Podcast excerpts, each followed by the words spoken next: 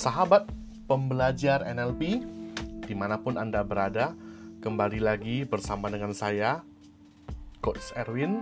Hari ini kita akan membahas sebuah topik menarik yang sudah sangat sering kita dengar di seminar mana pun kalau Anda ada ikut seminar-seminar, yaitu sukses bermula dari pikiran.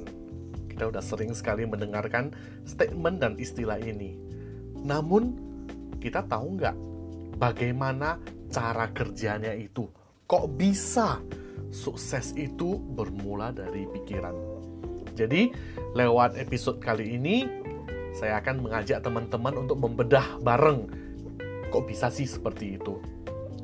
Jadi, teman-teman kita semua sudah tahu bahwa pikiran itu ada dua yaitu pikiran sadar dan pikiran bawah sadar pikiran sadar mempengaruhi hidup kita 12% sedangkan pikiran bawah sadar mempengaruhi nasib kita itu 88% sangat tinggi sekali nah jadi lewat episode ini saya akan membahas apa sih yang ada di dalam pikiran bawah sadar itu sehingga bisa mempengaruhi kita itu sukses ataupun gagal. Oke, jadi kita akan banyak membahas di pikiran bawah sadar. Jadi pada tahu ya teman-teman semua ya bahwa yang namanya bayi masih dalam bentuk janin, pikiran bawah sadar itu sudah terbentuk, sudah tercipta. Jadi kepada para calon orang tua, hati-hatilah dalam berbicara di saat Anda memiliki bayi dalam janin, dalam kandungan. Oke, itu beda urusannya. Sekarang kita akan fokus untuk membahas pikiran bawah sadar. Yang pertama, pikiran bawah sadar manusia itu berisikan keyakinan dan juga nilai-nilai hidup. Jadi ini adalah program dasar yang kita yakini itu benar beserta dengan nilai-nilai yang dianggap penting Kedua hal ini dipelajari dari kecil. Jadi, peranan orang tua dalam membentuk seorang anak itu sangat krusial ya, sangat penting suatu anak itu masih usia kecil. Di sinilah terciptanya persepsi juga. Cara anak itu melihat sesuatu dan memaknai sesuatu.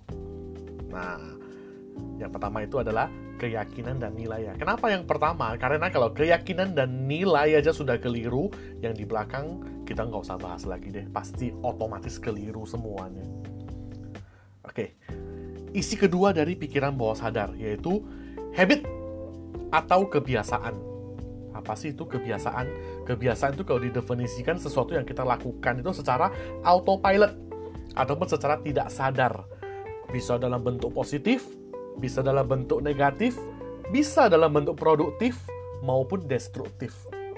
Nah, jadi sesuatu yang kita lakukan berulang-ulang itu akan menjadi habit. Kita kebiasaan malas, dilakukan berulang-ulang, pikiran kita akan terprogram. Satu program malas, itulah yang akan menjadi kebiasaan malas Anda. Bila kita terprogram itu rajin dan diulang-ulang terus, dia akan berubah menjadi sebuah habit yang rajin. Itulah di sana kuncinya. Jadi, yang kedua dari pikiran masyarakat itu habit dan kebiasaan. Jadi, teman-teman harus paham dulu kedua poin penting ini.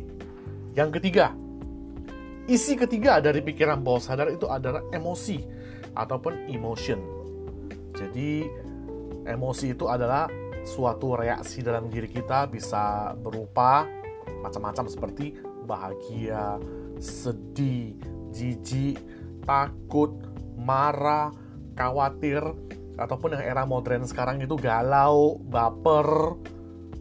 Itulah yang dinamakan emosi. Teman-teman harus tahu, semua action, semua tindakan yang kita lakukan itu driving force-nya itu adalah emosi. Bensinnya itu adalah emosi Contohnya, kita itu memang sudah nggak ada niat belanja. Pas jalan ke shopping mall, melihat diskon 90%, buy one get one. Di situlah emotion kita terpicu menjadi joy. Wah senang, wah ini murah sekali. Pada rencana tidak mau beli punya, terjadilah action beli produk ini walaupun tidak perlu. Jadi ingat, pengelolaan emotion itu sangat penting sekali. Karena emotion itu mempengaruhi tindakan kita. Emotion itu kan terdiri dari dua kata, energy in motion, energi yang bergerak. Ya, Anda terpicu emotion tersebut, Anda akan melakukan tindakan tersebut. Yang keempat adalah memori jangka panjang. Memori jangka panjang itu tersimpan di dalam pikiran bawah sadar. Jadi semua kejadian peristiwa dari masa janin, dalam kandungan, masa kelahiran, masa pertumbuhan itu terekam dalam pikiran bawah sadar. Dan pastinya ada teknik hipnosis atau hipnoterapi yang bisa memanggil keluar memori-memori ini. Itu namanya X-regression, regresi umur. Oke, berikutnya. Yang kelima dari isi pikiran bawah sadar itu intuisi. Nah, ini agak sedikit dalam, lebih advance ya ibaratnya ya. Intuisi itu apa sih? Kalau secara definisi, intuisi itu adalah perasaan untuk mengetahui dan mendeteksi sesuatu secara instintif dan intuitif. Jadi kalau kita ngebahas intuisi, bagian ini akan banyak sekali uh, hubungan eratnya dengan dunia spiritualisme dan juga ada beberapa fenomena metafisika. Ini nanti di lain masa akan kita gali lebih dalam lagi. Berikutnya yang keenam dari pikiran bawah sadar, yaitu kreativitas. Kreatif. Nah, ini yang sering orang sebut istilah awamnya otak kanan, tipe otak kanan. Kreatif.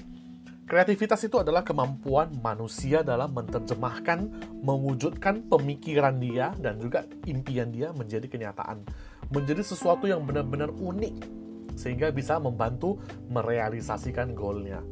Jadi kreativitas orang-orang itu berbeda-beda. Dan yang ketujuh, isi dari pikiran bawah sadar adalah kepribadian. Nah, atau personality. Jadi personality itu adalah karakteristik masing-masing manusia dalam berhubungan dengan orang lain, masyarakat, dan juga terhadap dia sendiri. Nanti kita akan membedah di episode khusus yang akan membahas tentang kepribadian ini. Saya lebih suka memakai kepribadian yang sudah diajarkan ilmu klasik dulu yaitu sanguin, tipe yang hihaha hore-hore, tipe happy, plekmatis, tipe yang super cincai sangat baik, sangat rendah hati, tipe melankolis, si perfeksionis yang cenderung diam tapi sangat teliti dan sangat perfect, dan juga tipe koreli yang tegas, disiplin, dan keras. Nah, nanti kita akan membedahnya lebih jauh lagi keempat kepribadian ini dan bagaimana Anda itu mencari karir, mencari pasangan dengan menganalisa empat kepribadian ini. Nah, inilah tujuh komponen utama dari pikiran bawah sadar. Jadi kita harus benar-benar bisa mengelola tujuh komponen ini dengan baik bila Anda ingin meraih sukses yang luar biasa. Semoga ilmu sederhana ini bisa memberikan kita insight. Kok bisa sih sukses bermula dari pikiran? Tujuh komponen inilah yang akan menentukan sukses Anda. Jadi, terkadang ada orang yang sudah berjuang, berjuang, berjuang, berjuang, berjuang, belum juga mencapai sukses. Cek ulang tujuh hal ini tujuh hal ini kemungkinan besar ada problem yang harus Anda selesaikan bila Anda mau sukses. Semoga bermanfaat. Kita ketemu lagi di episode yang berikutnya. Sampai ketemu lagi. Salam sukses luar biasa.